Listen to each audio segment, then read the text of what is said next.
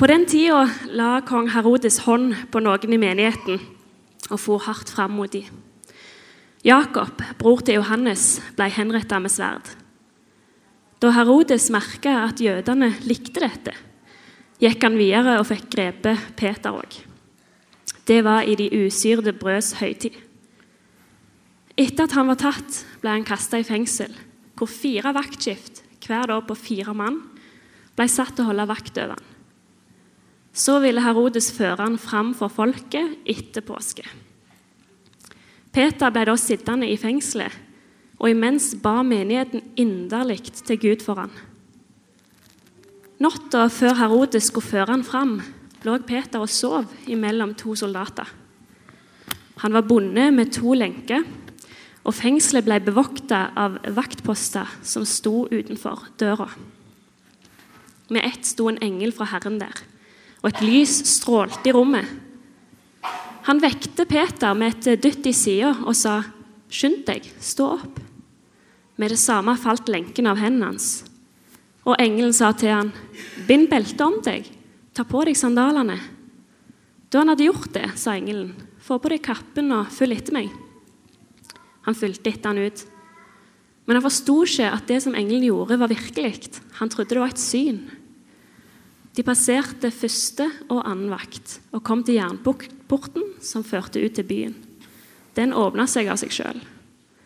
De gikk ut og fortsatte nedover den første gata. Der ble engelen plutselig vekke for ham. Peter kom til seg sjøl igjen og sa, 'Nå vet jeg virkelig at Herren har sendt sin engel og fridd meg ut ifra Herodes hånd' og fra alt det som jødefolket nå går og venter på. Da dette var blitt klart for han, gikk han til huset hvor Maria bodde, mor til Johannes med tilnavnet Markus. Der var mange samla i bønn. Han banka på ytterdøra, og ei tjenestejente som het Rode, kom for å lukke opp. Da hun kjente igjen Peter sin stemme, så glemte hun av bare glede å åpne døra, men hun sprang inn og fortalte at Peter sto utenfor. 'Du er fra sans og samling', sa de til henne. Men da hun holdt på sitt, sa de, 'Det må være engelen hans'. Imens fortsatte Peter å banke. Da de åpna og så han, ble de ute av seg av undring. Han gjorde tegn med hånda at de skulle være stille, og fortalte hvordan Herren hadde ført han ut av fengselet. Og han sa, 'Fortell dette til Jakob og brødrene.' Så forlot han de og drog til et annet sted. Tidlig om morgenen ble det stort oppstyr blant soldatene. Hva hadde hendt med Peter? Herodes ettersøkte han og Da han ikke ble funnet, forhørte han vaktpostene og befalte at de skulle føres vekk og henrettes. Sjøl dro han til Judea og ned til Cesarea for å være der.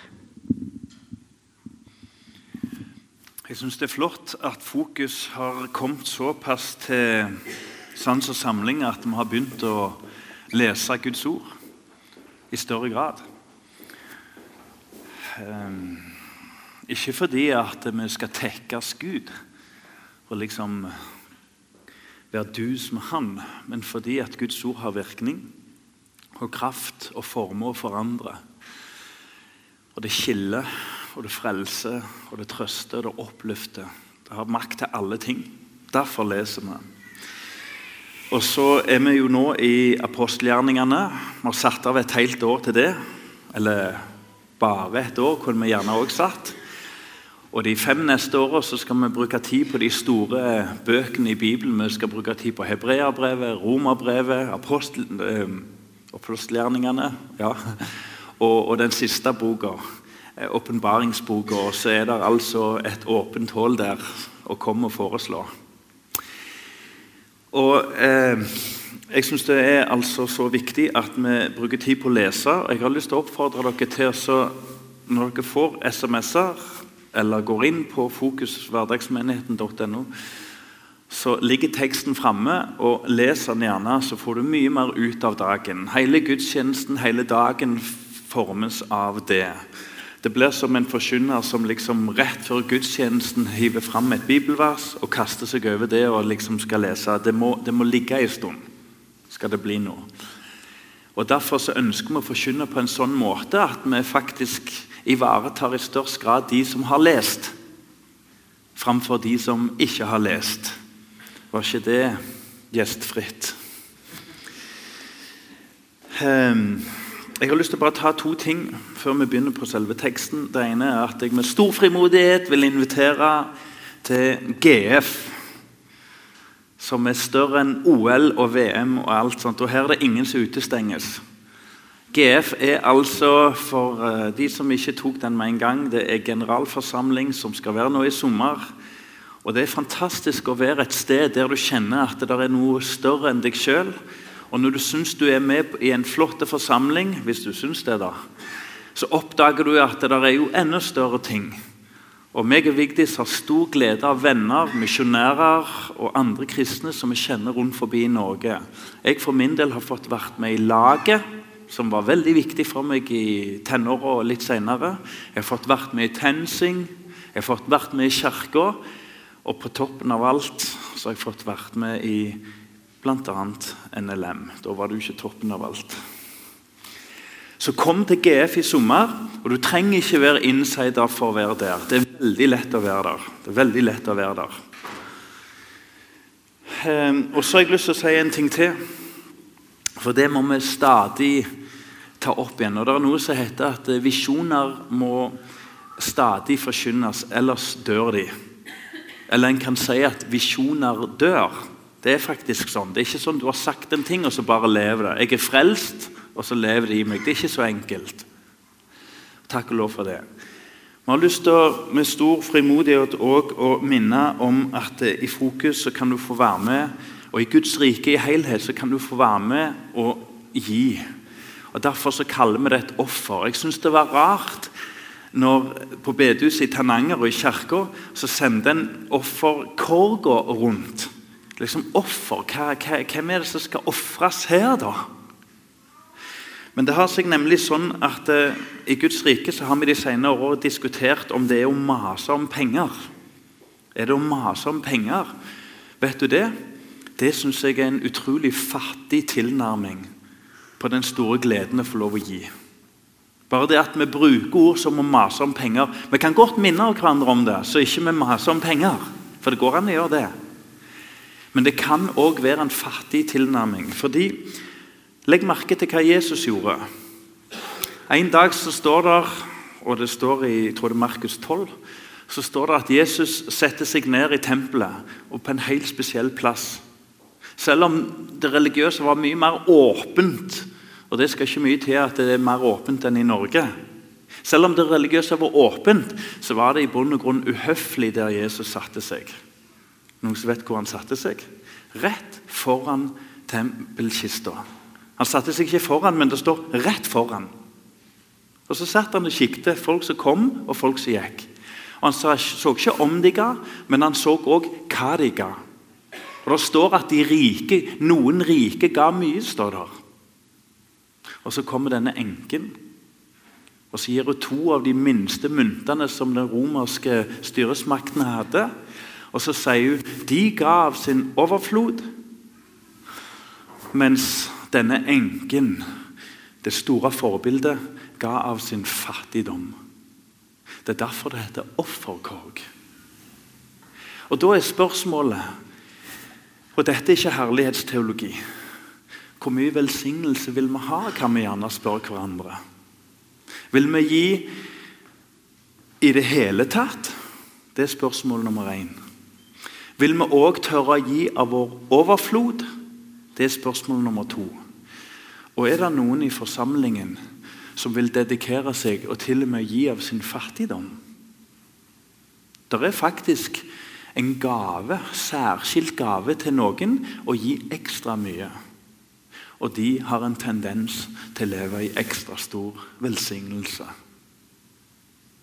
Så jeg har lyst til å si at med stor frimodighet så utfordrer vi hverandre, men vi setter oss ikke foran tempelkista.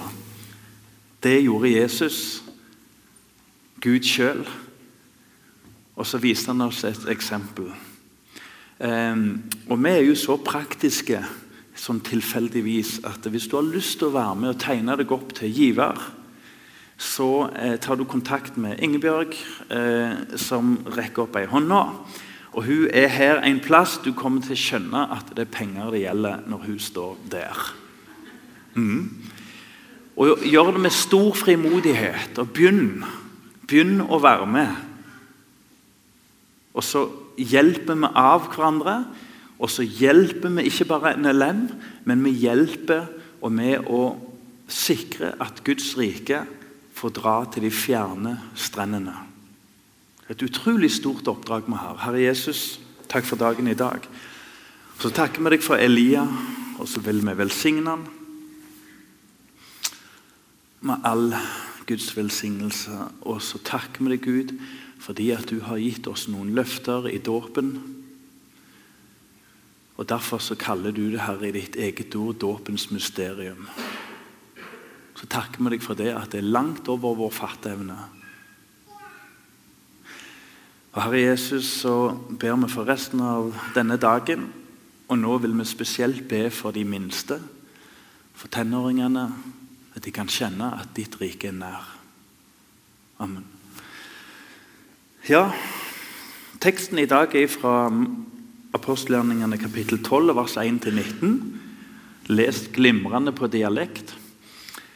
Eh, og Det kunne ikke passet bedre, fordi i dag, andre søndag i advent, er det kirkehistorisk sett Stefanusdagen.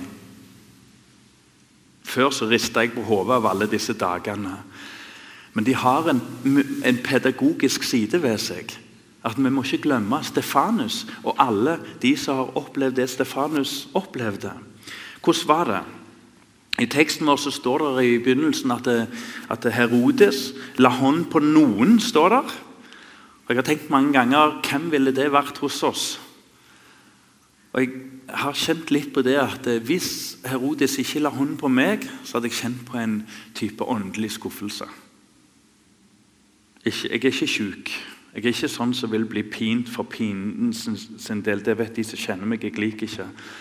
Men noen ble lagt hånda på. Så står det at eh, folket likte det de så. Og så for han hardt iblant dem, og da tok han òg Peter. Han mista respekten for denne gudsmannen, og så fanga han Peter. Det samme skjedde med Stefanus. Har du tenkt på det at Stefanus var en diakon? Vi har jo satt av et helt år til diakonen, tjeneren, han som går gjennom støvet, som ordet betyr. Og det var akkurat det var Han var en av de store, syv store diakonene som valgte ut av menigheten. Han var dedikert. Han hadde nok naturgaver òg, som gikk i tråd med dette. Og var altså en hjelper, en omsorgsmann. Og Så sitter vi i dag og spør hva er viktigst. Kjærlighet eller rettledning? Loven eller evangeliet? Og så har Jesus gitt, eh, så har Jesus gitt eh, Eh, han, Stefanus et forbilde når han blir omtalt som han som er full av nåde og full av sannhet. Jesus brukte ikke nåden mot sannheten. Jesus brukte ikke sannheten mot nåden og finta ut. Men han var full 100% av begge deler. Og Det var akkurat det Stefanus var. La oss ikke fristes til å tro at noen er omsorgsfulle, mens noen er sannhetsfulle. Stefanus var kalt til å være begge deler. Når han blir ført inn for Sanhedrin, eller rådet Og de tuller du ikke med. Han er egentlig i dødsfare allerede. Når han blir ført inn, så benytter Stefanus muligheten til å kjøre det aldeles i, i i bøtta ut fra et menneskelig ståsted. Han går gjennom kirkehistorien til jødene, som egentlig er vår kirkehistorie òg, når vi har fått del i det. Og så konkluderer han med at dere er stivnakka. Altså åndelig sett å være stivnakka. Sånn, liksom sånn, Du ser i beste fall litt beint fram, men du klarer ikke å orientere deg. Du er stiv. Du har kjørt deg fast. Du kan ikke lede noen. Du er stivnakka. Og Så går han enda lenger og så sier han dere dreper profetene. sier han. Det er ikke noe mer alvorlig for et sanhedrin, et sant sanhedrin, enn å drepe de som bærer godt budskap, som det står i Romerne 10. Kanskje få mer bånd i bøtta enn det. Og Så sier han at de er vantro, for de tar ikke imot det profetiske budskap. I bunn og grunn så er det stein dødt. Og så blir de sinte. Og så har de et lite problem, fordi at de har ikke noe å ta den på. Men de går til det skrittet at de gjør sånn som vi har sett i, i, i historien, og forfølgelseshistorien i mange år. Og kanskje noen har opplevd det i det skjulte. At det bringes fram et usant vitne. De lyver på Stefanus. ikke er det rart? Herodes plukket ut noen. Hvorfor tok de, hvorfor tok de Stefanus? Jeg tror de ante at her er det en kraft, et tjenersinn og et kraftfullt liv. Han må vi få stoppet før disse som går på veien, sprer seg som ild i tørt gress. Det er all grunn til å gå og samles i fellesskap og markere Stefanusdagen. Og det er all grunn til å være i bønn for de mange som lider. Så vil jeg gå videre så vil jeg si at um, forfølgelse For dette er jo altså forfølgelsesdagen. Og Det er litt rart at den er lagt til jul. Begynnelsen av kirkeåret. Men det stemmer veldig godt, for det følger ofte begynnelsen av et tydelig kristenliv òg. Så det er, er en pedagogisk side her. Vi går videre og så spør vi oss sjøl hva er normalsituasjonen for en kristen rundt forbi i verden og i kirkehistorien. Hva er normalsituasjonen? Det er forfølgelse. Det er forfølgelse. Kirka, den store kirka på jord, har tålt dårlig å være i lederposisjon. 1300-1400-tallet så eide kirka, den store den romersk-katolske kirka eide to tredjedeler av all landjord. Og hun sto ikke så svakt, den øst, østkirka heller. To tredjedeler. Og Det var blitt derfor Luther reiste seg opp og sa at nok er nok. Nå har vi kommet i en situasjon som er utålelig. Normalsituasjonen for en kristen er faktisk å bli forfulgt. Til og med av sin egen kirke. Mm.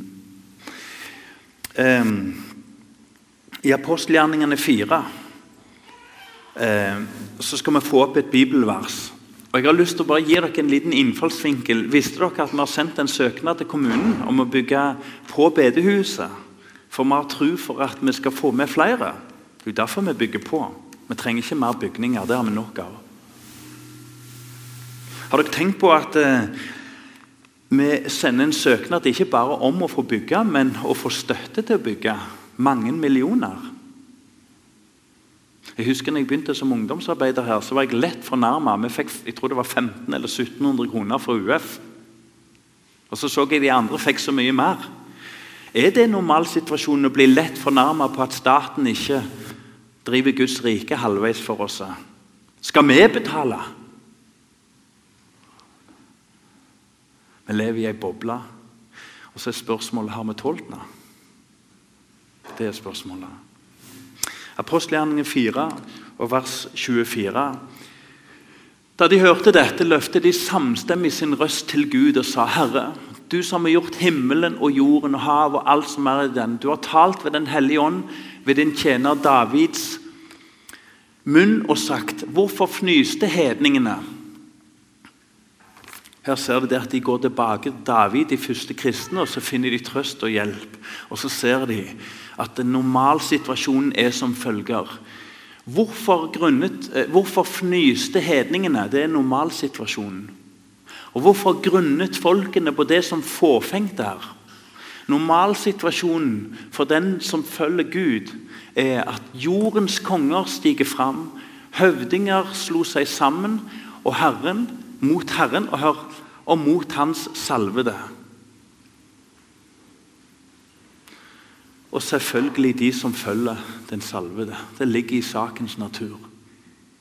Så De første kristne de spurte seg hvorfor blir folk drept uten rett dom, med falskt vitnesbyrd. Hvorfor tok de Stefanus? Og så sier de til hverandre ja, men dette har vi sett før. Det er jo dette Jesus mente når han sier at dere skal li med meg. Det var jo dette Paulus erfarte når Anias sier at du skal døpes og du skal få følge og leve i lidelse.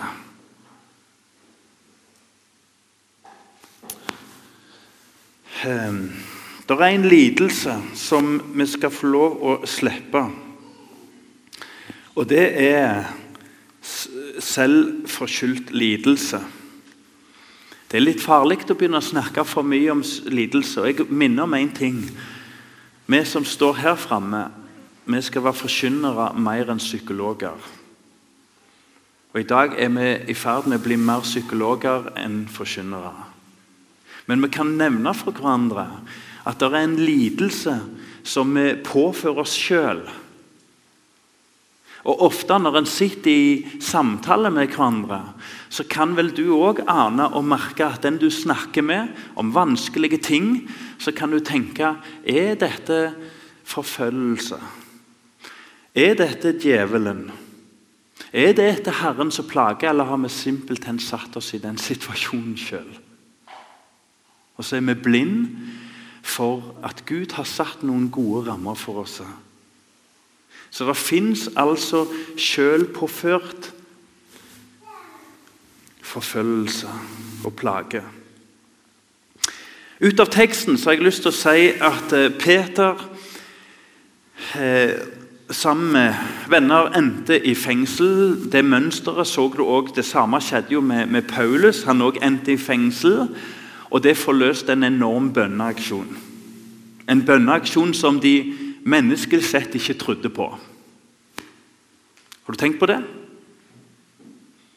Teksten viser oss helt tydelig at de ba, men de trodde ikke. Men de var lydige. For Guds rike viser oss, og spesielt forfølgelse viser oss at lydighet er viktigere enn tro. For lydighet er tro i praksis. Jeg står på det. Lydighet er viktigere enn tro. Hva var det vi døpte barnet til? Hva var, skulle, hva var, det han skulle vokse i? Kjærlighet og tro og lydighet mot Guds vilje. Så når vi mennesker som tar imot Jesus Kristus, så har vi lov med stor frimodighet jeg sier ikke det at de ikke hadde tro, for de hadde tro til at bønnen var den eneste løsningen. Men det var ikke deres tro i seg sjøl. Det var ikke den iboende troen som gjorde at de samla seg. Men de hadde erfart at bønnen har makt. Og så samler de seg. Peter ender i fengselet. Han legger seg ned og sover. De sier at, eh, Herodes sier at nå venter vi til etter høytiden, usyrnes brøds høytid. Og dagen før han skal eh, dømmes, så kommer en engel, og det står 'dunkende i sida'. Jeg syns det er en sånn menneskelig side ved engelen. altså, Dunkende i sida. Ganske jordnært. Og sier 'stå opp', og så drar de ut. Ut av denne historien så har jeg lyst til å fortelle at um, jeg har fått noen enkle punkter som kommer ut av forfølgelse, normalsituasjonen. Og bli med. Forfølgelse gir ekte disippelskap. Det er det første jeg tenker på. Forfølgelse gir ekte disippelskap. Når jeg gikk på Bildøy, bibelskolen, så var jeg så heldig jeg fikk ha bl.a. Annbjørg Barane og John Herdang i andagslære. Har dere hatt andagslære? Det bør jo alle ha. Og det var seriøse greier, altså. Og Da husker jeg en gang en av de som jeg ikke husker hvem var, sa En god andakt er en andakt som holder i nød og død. Og hvis ikke, så trenger du ikke ha den andakten. Hørte du det? En god andakt er en andakt som holder i nød og død. Ikke fordi at alt skal være mortalt. Ikke fordi at vi skal gå rundt og dvele ved død og elendighet og de vanskelige dagene. Men fordi at alt vi sier, skal vi kunne ta med oss inn i død og nød. Og har vi ikke erfart alle når vi blir eldre, når ting blir vanskelig, hvor snur vi oss hen? Da snur vi oss ikke mot det billige. Da snur vi oss til det som har kosta, for vi vet det er kun det som kan hjelpe. Og da snur vi oss mot Jesus sjøl. Holder de i død og nød. Og Nå er det sikkert noen som tenker Stefanusdagen. Og Hvis du kan tenke deg en som ble forfulgt i nyere tid, så håper jeg i hvert fall noen i salen kommer på en tysker. Det vil si født litt i grenseland av Tyskland. Han heter Didrich Bonhoffer. Mor og far håpte han skulle gå i farens professorsko, men de skjønte klokelig nok at han hadde andre gaver, og de bejubla og anerkjente at han begynte på prestestudiet. Og Sammen med Didrich Bonhoffer så vokser det fram en annen kjent person som heter Adolf Hitler. Og Jeg er ikke psykolog, men noe må jo ha skjedd opp gjennom i ungdommen og barndommen hans. For det er en mann fullt av hat. Og Disse vokser opp samtidig. De er to kjente personer etter hvert. Dietrich Bonhoff er prest i Tyskland. I 33 som han flykta. Han drar til London og han leder to menigheter der som er tysk-engelske menigheter som hadde stor vekst og vekkelse og betydde mye for mange. En dag så får, kommer det foran at eh, Niemøller og Karl Barth er i ferd med å reise en, en dels skjult og dels åpen opprør mot Hitler og hans kumponger. Og så tenker Bonhoffer at det kan ikke være her i England. Han drar tilbake til Tyskland og han reiser seg opp. Og det er ut av dette det kommer denne linja som heter Om for dumhet er vi vergeløse. Det sa og skrev Didrich Bonhoffer høyt. Om for dumhet er det ingen forsvar. Går det an å spytte mer på nazismen enn det? Om for dumhet er det ingen forsvar. For vi diskuterer, og vi lever på et dumt plan. kommer ingenting godt ut av det. Han holder noen seminarer, delvis skjult, delvis åpent for de prestene som reiser seg mot. Og De er etter hvert flere og flere, og de får lov å gjemme seg bak Barth, bak Bonhoffer og bak, eh, bak eh, Niemøller. Etter hvert så tåler ikke nazismen mer. Hitler er jo en narkoman i praksis. Han gjør det dumme valget at han befaler at de skal dra til foreldrene og fengsle Bonhoffer. Bonhoffer blir sendt først i fengsel under tøffe forhør. Og Det er under disse forholdene Bonhoffer kommer med denne linja. Bare den som holder ut alene kan fungere i et fellesskap. Når jeg var leder i UF, ungdomsforeninga, så kjente jeg litt på det. Aslak, har du hjulpet dem til å holde ut alene? Sånn at de kan holde ut i et fellesskap.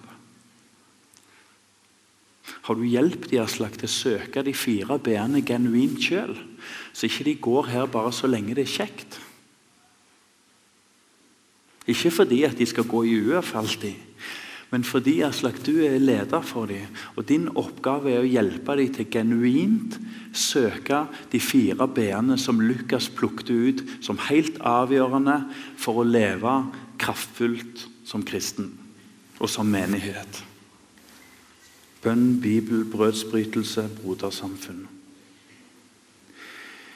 Hitler beordrer personlig, dvs. Si han sender sine toppagenter, og så fengsler de han. Og så bryr han seg ikke lenger om den underbevegelsen som reiser seg opp i Tyskland. For det er ikke sjeldent at kristendommen, den sanne kristendommen velter store makter og myndigheter.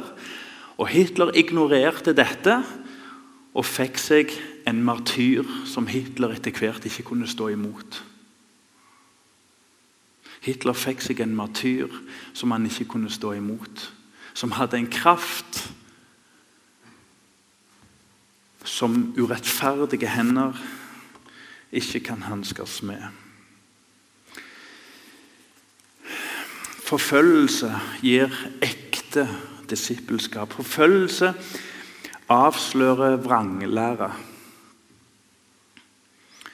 Det er når du regner på at vi ser hva som holder, lærte vi i andagslæren. Og vet du det? Forførelse kan fra kirka for Guds folk være farligere enn forfølgelse. Har du tenkt på det? Forførelse, altså det blir lurt. Det det, for Når du blir lurt, så blir du ikke liksom sånn lurt at eh, Sånn kjempelurt, liksom. Det, det, det ingen som tror på det en, en, en god luring, en god eh, eh, finte, det er jo en bitte liten endring, ikke sant? Og så går du fem på, for du var ikke våken. Forførelse kan for Kirka være farligere enn forfølgelse. Kan vi få opp Lukas 17, vers 1? Du vet, Det er ikke så lett å stå her framme, fordi du har jo lyst liksom at julen skal være glede og håp og framtid, og det er en. Og så setter disse kirkefedrene opp Stefanusdagen på denne dagen, og i dag skal jeg tale. Han sa til sine disipler det er, ikke til, å unngå at forførelser kommer. De kommer. De vil alltid være der. Men ved den de kommer fra men ved dem de kommer fra. Jeg har lyst til å utfordre oss på en kultur som er i ferd med å vokse fram. Jeg husker den som liten. og jeg husker når jeg sto en gang i gangen på bedehuset, så hadde vi en, en, diskusjon, for det var ofte ikke samtale med ungdommer, ble fort diskusjon. Sånn?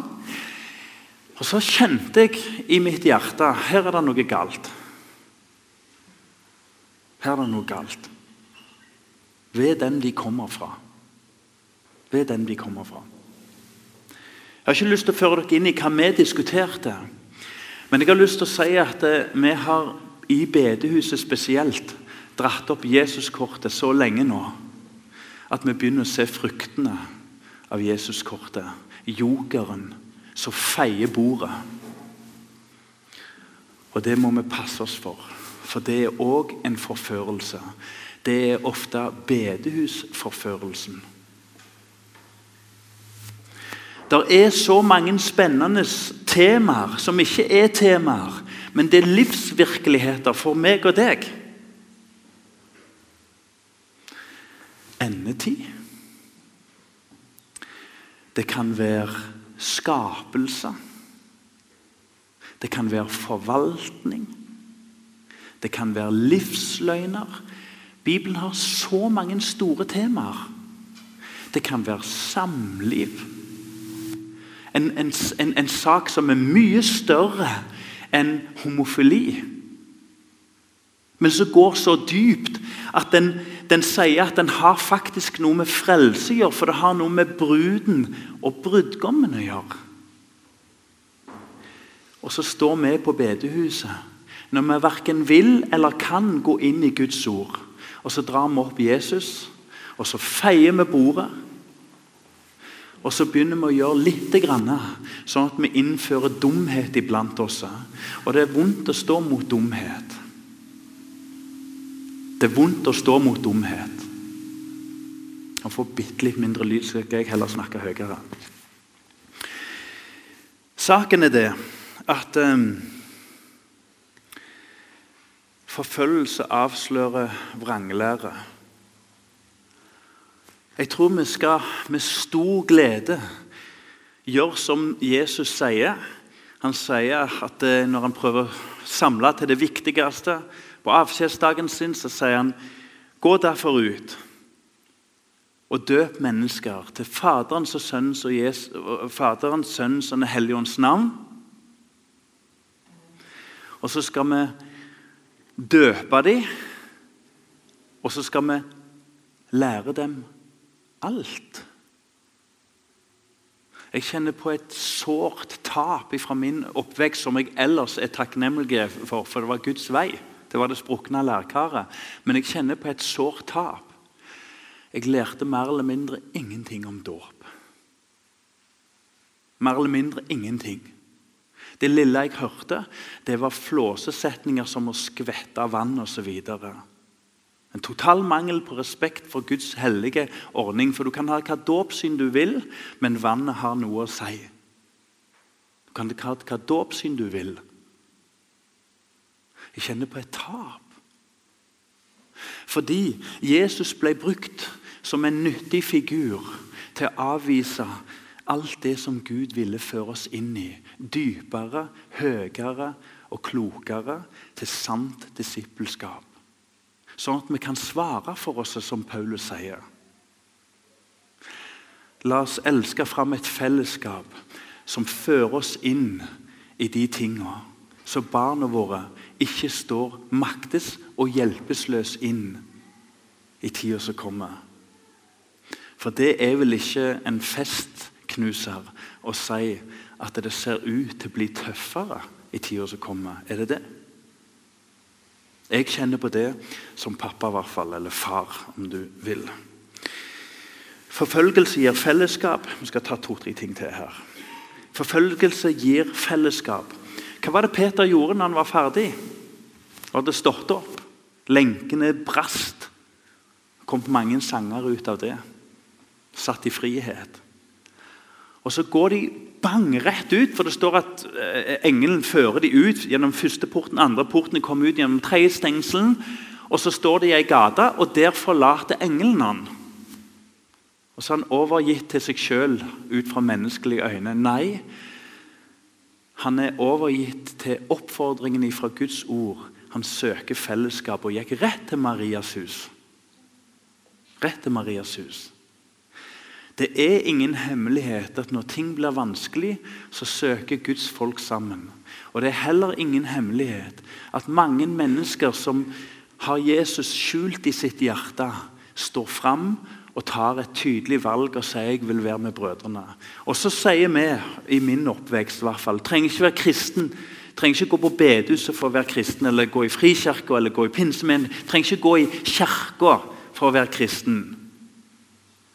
Hvor har vi det fra? Hvor har vi det fra? Hvor i Bibelen er du inspirert av at vi trenger ikke være i et fellesskap for å være kristen? Vi har ikke sagt at du ikke kan være det. Men hvor er den ivrigheten i å få fram poenget at du trenger ikke gå i et fellesskap? Når Paulus sier 'Demas', hvor er han? Han er ikke blant oss lenger. Dette handler ikke om fokus, dette handler om de fire b-ene. Det fører til fellesskap, og det fører til en enorm glede å få dele ting. Og jeg kjenner veldig på det. At å gå i fokus og være sammen med venner Og det er noen jeg er tettere på enn andre. Og den jeg er tettest på, er Vigdis. Noe av det flotteste samtalene meg og Vigdis har, får du ikke vite om. Men en av dem kan du få vite, og det er at vi av og til sitter i stua da har ikke ungene lov å komme inn, det vet dere. 20 minutter. Eh, I hvert fall i mitt hode har de ikke det. Hos Vigdis er det litt romsligere. Men vi sitter der, og så deler vi av og til åndelige erfaringer. Vi har behov for å komme sammen. Hvor, hvor, har vi, hvor, har vi, sluppet inn tanken om at vi trenger ikke gå på bedehuset for å være kristen? Hva var det vi prøvde å si der? Som ikke så ut til å lykkes helt. Jeg prøver å komme bak det en prøvde å si. Um, forfølgelse fører til nød. For det er jo nød i forfølgelse i seg sjøl. Og nød fører til vekst. Vi er ei gruppe som jobber litt med strategien og framtid for fokus. Og Det er vanskelig og spennende, så det er så mange ting. og Hva skal vi ta tak i? Og vi snakker, og vi møtes, og vi snakker, og vi ber. Og så ønsker vi vekst, har vi kommet fram til. For det er enten så samler vi, eller så sprer vi, sier Guds ord. Det går ikke an å gjøre noe i midten der. Enten samler vi, eller så sprer vi. Det er et menighetspoeng, og det er et poeng for alle disipler. Og Da må vi jo ta det valget, må vi ikke det? Vi ønsker å samle, vi ønsker vekst. Og Jeg syns å se at det har skjedd spennende ting i dette fellesskapet. For jeg har fått vært så nær at jeg har sett de små tingene. Men det kan ikke bli vekst uten nød. Og Da snakker vi først om den nøden som Den hellige ånd gir for vårt eget hjerte. For en blind kan ikke lede en blind. En kall kan ikke tenne en kall. Forfølgelse gir nød. Disiplene skjønte at lederen deres, Peter, klippen, var fengsla. Og de fikk delvis panikk. Vi skjønner jo at det må ha vært det, for når Peter kom inn, så, så må han hysje dem ned. Det er veldige rørelse blant dem. Og de faller på knær og ber. Og de har en enorm nød. Jeg, vet ikke om jeg, jeg husker ikke om jeg har delt det, dere får tåle det. Men det var en gang her jeg I, i høst så, så, Jeg har hatt litt sånn Syns det har vært litt vanskelig det der med oppdragelse, altså. Små barns små problemer og store barns store gleder. Og dere andre vet hva jeg skulle sagt. Det var noen som smilte nå, ser jeg. Jeg syns det der er litt vanskelig, det med skole og, og, sånne ting. Så valgte en av guttene våre å gå på Lundeneset. Kongshaug, ja.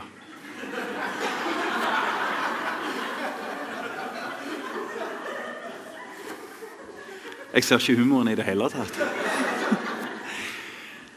Og den skolen som har ligget meg på hjertet i så mange år, den skulle han til.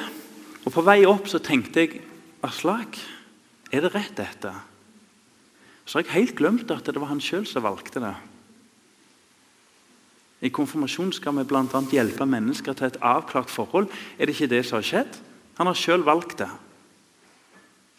For jeg regner med mamma har ikke påvirka. Og så drar han opp. Så tenker jeg hva getto er dette? Så setter vi oss til bords. Første lunsjen var noe pastagreier. Der sitter det en familie fra et annet sted i landet. Og så oppdager vi at sønnen hans For jeg hilser jo på faren først, selvfølgelig. Sønnen hans skal bo på rom med vår. Og så sier de begge to ingen av oss er kristne. Her går jeg på Klepp og bekymrer meg for at sønnen min skal leve et kraftfullt liv og ikke rote seg bort i en getto. Og så ligger han to meter ifra en som trenger å møte Jesus. Philip fikk et spørsmål en dag. Det vil si Han fikk en kommando av en engel. Dra sørover fra Gaza, og du skal gå på en øde vei. Jeg lurer på hva resten av menigheten tenkte. Skal hovedevangelisten vår trosse vårt strategidokument, og så skal han dra ned til den øde veien der? Han er jo den beste evangelisten vi har. På den veien møtte han den etiopiske hoffmannen, og store ting skjedde. Jeg har en bønn for dagen i dag. Jeg har mange temaer, men jeg kan ikke ta dem. Men jeg er kommet til det viktigste, og da stopper vi der. Og Jeg har en bønn. At fellesskapet vårt og Norge i sin helhet kommer tilbake til en nød for oss sjøl Sånn at vi finner et sted vi kan få lov å vitne og se forandring i nabolag og på skole. Ja, intet mindre. Så vi kan få se at vekkelsen brer om seg på Klepp. I ei tid vi skal kun forstå, der det religiøse er langt nede, der det offentlige holder ting nede. Og så skal vi få se at når mennesker gripes av Jesus, og evangeliet går, for bein å gå på, så er ikke faren i Norge forfølgelse, men det er lunkenhet og forførelse.